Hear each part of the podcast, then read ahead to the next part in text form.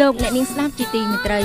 ទឹកគឺជាប្រភពនៃជីវិតបើគ្មានទឹកមនុស្សសត្វនិងរុក្ខជាតិប្រកបជាស្រាប់ជាក់ជាមិនខានក្នុងជីវភាពរស់នៅប្រចាំថ្ងៃគ្រប់គ្រប់គ្នាសុទ្ធតែត្រូវការទឹកប៉ុន្តែទឹកក៏អាចសម្លាប់ជីវិតបានក្នុងករណីមានគ្រោះទឹកជំនន់ឬប្រើប្រាស់ទឹកមិនស្អាតមានភ្នាក់ងារចម្លងមេរោគជាដើម។ នៅកម្ពុជា ចំពោះប្រជាជនដែលរស់នៅតាមដងទន្លេ ពេលទឹកទន្លេឡើងជន់លិចនារដូវវស្សា ជាកត្តាល្អដល់ការដាំដុះធ្វើស្រែចម្ការ និងការរស់នៅប្រចាំថ្ងៃព្រោះទឹកទន្លេមេគង្គបាននាំមកនៅដីល្បាប់ដ៏មានជីជាតិដែលអំណោយផលដល់វិស័យកសិកម្មមិនតែប៉ុណ្ណោះវាបានជួយសម្លាប់សត្វល្អិតចង្រៃបានថែមទៀតផង។ ផ្ទុយទៅវិញប្រសិនបើមានគ្រោះទឹកជំនន់ជន់ជោដោយទឹកភ្លៀងធ្លាក់ជោកជាំជាប់គ្នាច្រើនថ្ងៃដែលបង្កឡើងដោយឥទ្ធិពលខ្យល់ព្យុះឬទឹកទន្លេធំជន់ជោដោយគំហុកនោះវាក៏ក្លាយជាគ្រោះមហន្តរាយបណ្ដាលឲ្យខូចខាតដល់ហេដ្ឋារចនាសម្ព័ន្ធផ្លូវថ្នល់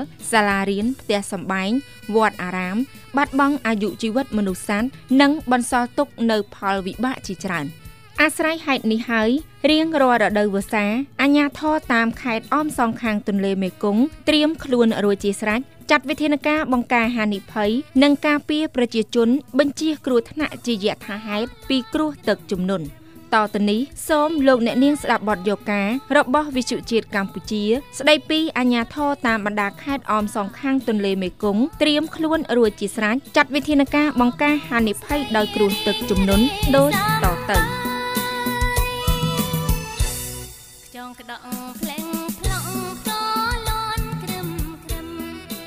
វស្សាឆ្នាំនេះទឹកទន្លេមេគង្គកំពុងមានការជន់ឡើងបើទោះបីថាការព្យាករណ៍របស់ក្រសួងជំនាញមិនទាន់ដល់កម្រិតនៃការប្រកាសអាសន្នក៏ដោយប៉ុន្តែនៅក្នុងកម្រិតមួយដែលនៅតំបន់ទំនាបផ្សេងផ្សេងនៅតាមដងទន្លេនិងតាមបណ្ដាខេត្តដែលមានទន្លេត្រូវតែមានការប្រុងប្រយ័ត្នខ្ពស់ បច្ចុប្បន្ននៅតាមបណ្ដាខេត្តនីមួយៗជាពិសេសខេត្តដែលនៅតាមដងទន្លេមេគង្គអាជ្ញាធរមានផែនការបង្ការហានិភ័យគ្រោះមហន្តរាយរួចជាស្រេចដោយមានការចូលរួមពីមន្ត្រីជំនាញជុំវិញខេត្តនិងកងកម្លាំងប្រដាប់អាវុធផងដែរក្នុងការត្រៀមជួយសង្គ្រោះប្រជាពលរដ្ឋឲ្យទាន់ពេលវេលាយ៉ាងណាមិញខេត្តស្ទឹងត្រែងជាខេត្តមួយដែលស្ថិតនៅផ្នែកខាងលើនិងមានព្រំប្រទល់ជាប់នឹងប្រទេសឡាវងាយនឹងរងគ្រោះមុនគេប្រសិនបើមានករណីគ្រោះទឹកជំនន់ពីប្រទេសជិតខាង។ លោកម៉ែនគង់នាយករងរដ្ឋបាលនិងជាអ្នកណែនាំពាក្យសាលាខេត្តស្ទឹងត្រែងបានប្រាប់វិទ្យុជាតិកម្ពុជាថាមន្ត្រីជំនាញរបស់រដ្ឋបាលខេត្តស្ទឹងត្រែងតាមដានស្ថានភាពនិងកម្ពស់ទឹកជាប្រចាំដែលមកដល់ពេលនេះស្ថានភាពនៃកម្ពស់ទឹកទន្លេមេគង្គនៅខេត្តស្ទឹងត្រែងមិនទាន់ចោទជាបញ្ហានោះទេព្រោះស្ថិតនៅកម្រិតទាបនៅឡើយ ប៉ុន្តែរដ្ឋបាលខេត្តស្ទឹងត្រែងមានគណៈកម្មការគ្រប់គ្រងគ្រោះមហន្តរាយខេត្តបានដាក់ចេញនូវវិធានការត្រៀមបង្ការនិងអន្តរាគមន៍រួចជាស្រេចក្នុងករណីមានគ្រោះទឹកជំនន់ជាយថាហេតុ។ បាទអញ្ចឹងដំណាក់កាលខាងមុននេះគឺបានត្រៀមនៅមធ្យោបាយកម្លាំងអន្តរាគមបាទស្បៀងបាទនិងសម្ភារៈប្រើប្រាស់មួយចំនួនទៀតពីចម្ងាយទី2ការផ្ដល់ព័ត៌មានបានន័យថាការជូនដំណឹងបន្តទៅដល់អាជ្ញាធរមូលដ្ឋានដើម្បីត្រៀមលក្ខណៈសម្បត្តិគ្រប់គ្រាន់នៅក្នុងការត្រៀមឆ្លើយតបទៅនឹងគ្រោះមហន្តរាយរួមទាំងការផ្ដល់ព័ត៌មានដល់បងប្អូនប្រជាពលរដ្ឋដែលគាត់កំពុងកប់មុខរបរការធ្វើកសិកម្មការធ្វើនេសាទនិងការធ្វើចំនួនផ្សេងៗទៀតនៅក្នុងមូលដ្ឋាននោះក៏មានការប្រុងប្រយ័ត្នដែរនៅក្នុងរដូវឧស្សាហ៍របស់យើងនេះដោយសារយើងឃើញស្ថានភាពទោះបីតែពេលនេះវាមិនអីបើសិនជាមានការឡើងជាយថាហេតុយើងបានត្រៀមការទឹកបុនហើយយើងអាចគេចេញពីតំបន់ហានិភ័យទាំងអស់នោះបានតាន់ពេលវេលាលោកនាយករងរដ្ឋបាលខេត្តបានបន្តថាក្នុងការត្រៀមបង្ការនេះគឺមានការចូលរួមពីគ្រប់ភាគីពាក់ព័ន្ធទាំងអស់ដែលលោកលើកឡើងថាគឺជាការអន្តរាគមន៍ដោយប្រើកម្លាំងសរុបធនធានសរុបក្នុងការអនុវត្តជាក់ស្ដែង។ នៅក្នុងអំឡុងពេលបើសិនជាមានករណីកើតឡើងនោះគណៈកម្មការគ្រប់គ្រងមហន្តរាយខេត្តនឹងចេញប្រតិបត្តិការតាមយន្តការរបស់ខ្លួនបាទមានស័ព្ទដោយមានប្រើប្រាស់ផែនការសរុបកម្លាំងសរុបមធ្យោបាយសរុបនិងធនធានសរុបរបស់ខ្លួនយើងតាមដានសភាពការនេះជាប់ជាប្រចាំជាក់ស្ដែងហើយមកដល់ពេលនេះកម្ពស់ទឹកមិនទាន់មានការយាយីឬក៏កត់សម្គាល់ទៅលើស្ថានភាពនេះខ្លាំងនៅឡើយទេព្រោះយើងដឹងហើយដឹងថាទន្លេមេគង្គយើងប្រកាសអាសន្នលុះត្រាតែវាលើសពី10ម៉ែត្រ70ទន្លេសេសានឬ10 50និងសេកុងនៅពី11ម៉ែត្រ50នោះមកដល់ពេលនេះទន្លេមេគង្គទៅត្រឹមកម្ពស់ត្រឹមប្រមាណ6ម៉ែត្រអីហ្នឹងទេបាទ5ម៉ែត្រ6ម៉ែត្រហ្នឹងទេបាទ ប៉ុណ្្នឹងទេហើយទន្លេសេកុងត្រឹមប្រកាស1150នោះ11ម៉ែត្រ50ហ្នឹងវាត្រឹមតែប្រមាណជា4ម៉ែត្រជាងទៅប៉ុណ្្នឹងទេមិនដល់មានដៃសេសានគឺនៅប្រកាស10ម៉ែត្រ50ក្នុងកម្រិតតែ3ម៉ែត្រជាងជិត4ម៉ែត្រមកដល់ពេលនេះអញ្ចឹងទោះជាស្ថានភាពកម្ពស់ទឹកនេះមិនទាន់ជាការកត់សម្គាល់បង្ហាញអំពីហានិភ័យណាមួយដល់គណៈកម្មការគ្រប់គ្រងគ្រោះមហន្តរាយខេត្តក្តីក៏ប៉ុន្តែយើងបានត្រៀមលក្ខណៈសម្បត្តិមុនរួចហើយ បើទោះបីគ្រោះទឹកជំនន់កើតឡើងឬមិនកើតឡើងក្តីនេះជាវិធានការដែលយើងត្រូវត្រៀមទុកជាមុនលោកម៉ែនគង់បានអះអាងថាក្រុមការងារជំនាញនៃគណៈកម្មការគ្រប់គ្រងគ្រោះមហន្តរាយខេត្តបានត្រៀមទីទួលសុវត្ថិភាពគ្រប់គ្រាន់សម្រាប់តំបន់ដែលនឹងមានការជន់លិចលោកនាយករងរដ្ឋបាលខេត្តបានក្រើនរំលឹកដល់បងប្អូនប្រជាពលរដ្ឋទាំងអស់ដែលនៅតាមតំបន់ងាយនឹងរងការជន់លិចត្រូវមានការប្រុងប្រយ័ត្នខ្ពស់ជាប់ជានិច្ចជាពិសេសត្រូវអនុវត្តវិធានការរបស់ក្រសួងសុខាភិបាលឲ្យបានហ្មត់ចត់ការពារកុំឲ្យមានការឆ្លងជំងឺ Covid-19 បើទោះស្ថិតក្នុងស្ថានភាពទឹកជំនន់ក៏ដោយ។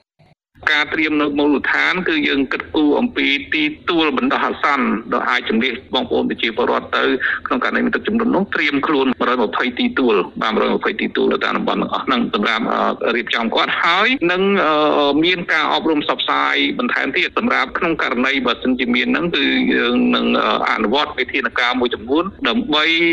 អន្តរាគមជួយសង្គ្រោះប្រជាពលរដ្ឋផងក៏ដូចជា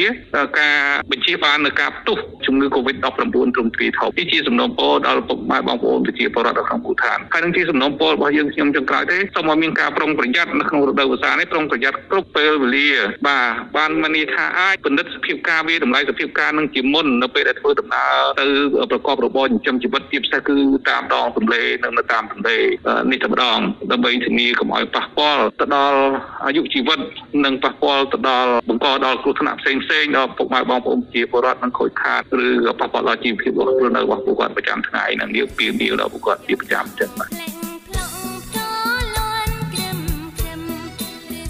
លោកអ្នកនាងស្ដាប់ជាទីមេត្រីការប្រែប្រួលអាកាសធាតុធ្វើឲ្យរដូវកាលមានការផ្លាស់ប្ដូរមិនទៀងនិងបង្កឲ្យកើតមានជាញឹកញាប់នៅគ្រោះធម្មជាតិរលកកម្ដៅផ្គររន្ទះខ្យល់ព្យុះខ្យល់កន្ត្រាក់និងគ្រោះរាំងស្ងួត ដែលគ្រោះមហន្តរាយទាំងនេះបង្កនូវផលប៉ះពាល់ហេដ្ឋារចនាសម្ព័ន្ធលំនៅឋានទ្រព្យសម្បត្តិប៉ះពាល់ដល់សុខភាពព្រមទាំងបណ្ដាលឲ្យស្លាប់បាត់បង់ជីវិតប្រជាពលរដ្ឋផងដែរជាពិសេសមនុស្សចាស់និងកុមារតូចៗដូចនេះដើម្បីកាត់បន្ថយឲ្យបានជាអតិបរមានៅផលប៉ះពាល់ដល់អាយុជីវិតពីគ្រោះធម្មជាតិជាពិសេសទឹកជំនន់ប្រជាពលរដ្ឋទាំងអស់ត្រូវតាមដានស្ថានភាពទឹកជំនន់ត្រៀមទីទួលសុវត្ថិភាពនិងស្បៀងអាហារជាដើម។ លោកហេងរតម៉ូនីដាប្រធានមន្ទីរធនធានទឹកនិងអូតូនិយមខេត្តក្រចេះបានឲ្យដឹងថាមកទល់នឹងពេលនេះកម្ពស់ទឹកទន្លេមេគង្គនៅខេត្តក្រចេះមិនទាន់មានអ្វីជាកត់សម្គាល់ឬបង្កហានិភ័យនោះទេប៉ុន្តែអាជ្ញាធរថ្នាក់ខេត្តនិងគ្រប់មូលដ្ឋានមានផែនការត្រៀមលក្ខណៈបង្ការគ្រោះមហន្តរាយទឹកជំនន់ទុកជាមុន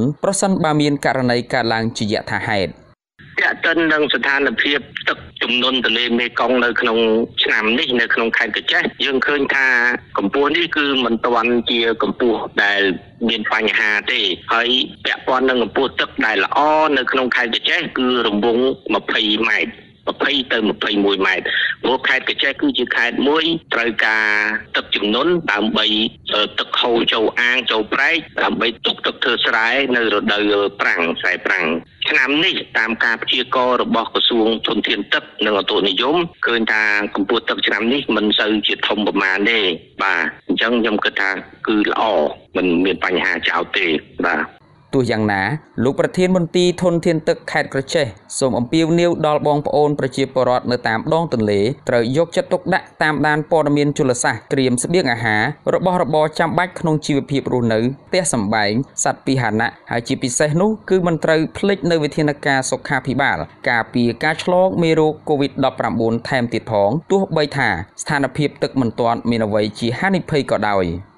ខ្ញុំសូមអំពាវនាវដល់ប្រជាពលរដ្ឋទីពិសេសអ្នកដែលនៅតាមដងទន្លេមេគង្គត្រូវយកចិត្តទុកដាក់ទោះបីកម្រិតកម្ពស់ទឹកមិនទាន់ដល់កម្រិតប្រកាស ឲ្យប្រុងប្រយ័ត្នឬប្រកាសសន្នក៏ដោយតែយើងត្រូវតែប្រុងប្រយ័ត្នត្រៀមបង្ការជាមុននៅស្បៀងអាហារហើយនឹងថ្នាំសង្កូវហើយជាពិសេសគោក្របីនឹងរៀបចំចម្បើងឬទីតាំងណាសម្រាប់ដាក់វាឲ្យបានស្រួលព្រោះឥឡូវនេះយើងមិនបានត្រៀមបង្ការទៅជួននឹងទេយើងត្រៀមបង្ការតាមពីម៉ោងទៅទៀតព្រោះវាមានកើតអាចជំងឺកូវីដកូអីនឹងបាទ ដើម្បីកាត់បន្ថយឲ្យបានជាអតិបរមានៅផលប៉ះពាល់សុខភាពអាយុជីវិតប្រជាពលរដ្ឋពីគ្រោះទឹកជំនន់ដែលអាចកើតមានជាយថាហេតុនោះ ឯកឧត្តមខុនសុខាអ្នកនាំពាក្យនៃគណៈកម្មាធិការជាតិគ្រប់គ្រងគ្រោះមហន្តរាយបានមានប្រសាសន៍ថាទាំងអាជ្ញាធរនិងប្រជាពលរដ្ឋមូលដ្ឋាន ដែលស្ថិតនៅតំបន់ងាយរងគ្រោះនិងតំបន់ទំនាបនានានៅតាមដងទន្លេត្រូវមានផែនការត្រៀមបំរុងគ្រោះមហន្តរាយឲ្យបានល្អបើទោះបីថាការព្យាករណ៍របស់ក្រសួងជំនាញមិនទាន់ដល់កម្រិតនៃការប្រុងប្រយ័ត្នក៏ដោយ ចំពោះអាធមូលដ្ឋានអាធមថ្នាក់ក្រោមជាតិគួរតែពិនិត្យឡើងវិញនៅទូនីតិភារកិច្ចរបស់ខ្លួន នៅក្នុងស្ថានភាពមុនពេលគ្រោះអន្តរាយបាទការត្រៀមថាតើពួកគាត់ត្រូវត្រៀមលក្ខណៈសម្បត្តិយ៉ាងម៉េចខ្លះដើម្បីធានាថាភាពរួចរាល់របស់គាត់នៅក្នុងការឆ្លើយតបការ ជួយប្រជាពលរដ្ឋនៅតំបន់ដែលរងគ្រោះបាទដូចជាមានជាអាចពួកគាត់ត្រូវតាមដានព័ត៌មានដូចគ្នាត្រូវផ្ដល់ព័ត៌មានរហ័សដល់ប្រជាពលរដ្ឋនៅតំបន់ដែលអាចមានគ្រោះថ្នាក់បាទហើយពួកគាត់ត្រូវពិនិត្យទៅលើផែនការបាទផែនការត្រៀមបំរុងរបស់ពួកគាត់ដែលបានធ្វើបាទថាតើគាត់ ពិនិត្យនឹងគេហៅថាធ្វើបច្ចុប្បន្នបន្តិចឲ្យបានទាន់ពេលក្នុងរដូវទឹកជំនន់ដើម្បីធានានៅភាពទាន់ពេលដើម្បីធានានៅធនធានហើយនឹងអ្វីដែលចាំបាច់ដទៃទៀតដែលពួកគាត់ត្រូវការនៅពេលដែលមានគ្រោះមហន្តរាយកើតឡើងបាទនេះគឺជាទួលនីតិនិងភារកិច្ចរបស់អាជ្ញាធរថ្នាក់ក្រោមជាតិជាពិសេសនៅថ្នាក់មូលដ្ឋានតែម្ដងបាទដែលនៅជាប់នឹងប្រជាពលរដ្ឋនៅតំបន់ដែលងាយរងគ្រោះហ្នឹងបាទ លោកអ្នកនាងស្ដាប់ជាទីមេត្រីទាំងមុនពេលក្នុងពេលនិងក្រោយពេលទឹកជំនន់ប្រសិនបើប្រជាពលរដ្ឋទាំងអស់មានបញ្ហាសុខភាពសូមស្វែងរកការពិគ្រោះពិនិត្យនិងព្យាបាលជំងឺជាបន្ទាន់នៅប៉ុស្តិ៍សុខភាពក្បែរទីទួលសុវត្ថិភាពឬមណ្ឌលសុខភាពឬមន្ទីរពេទ្យដែលនៅជិតបងប្អូនប្រជាពលរដ្ឋបំផុតមិនតែប៉ុណ្ណោះត្រូវអនុវត្តនៅវិធានការសុខាភិបាលឲ្យបានខ្ជាប់ខ្ជួនដើម្បីការពារពីការឆ្លងជំងឺ Covid-19 ខ្ញុំបាទភួងឈុនលៀនវិទ្យុជាតិកម្ពុជា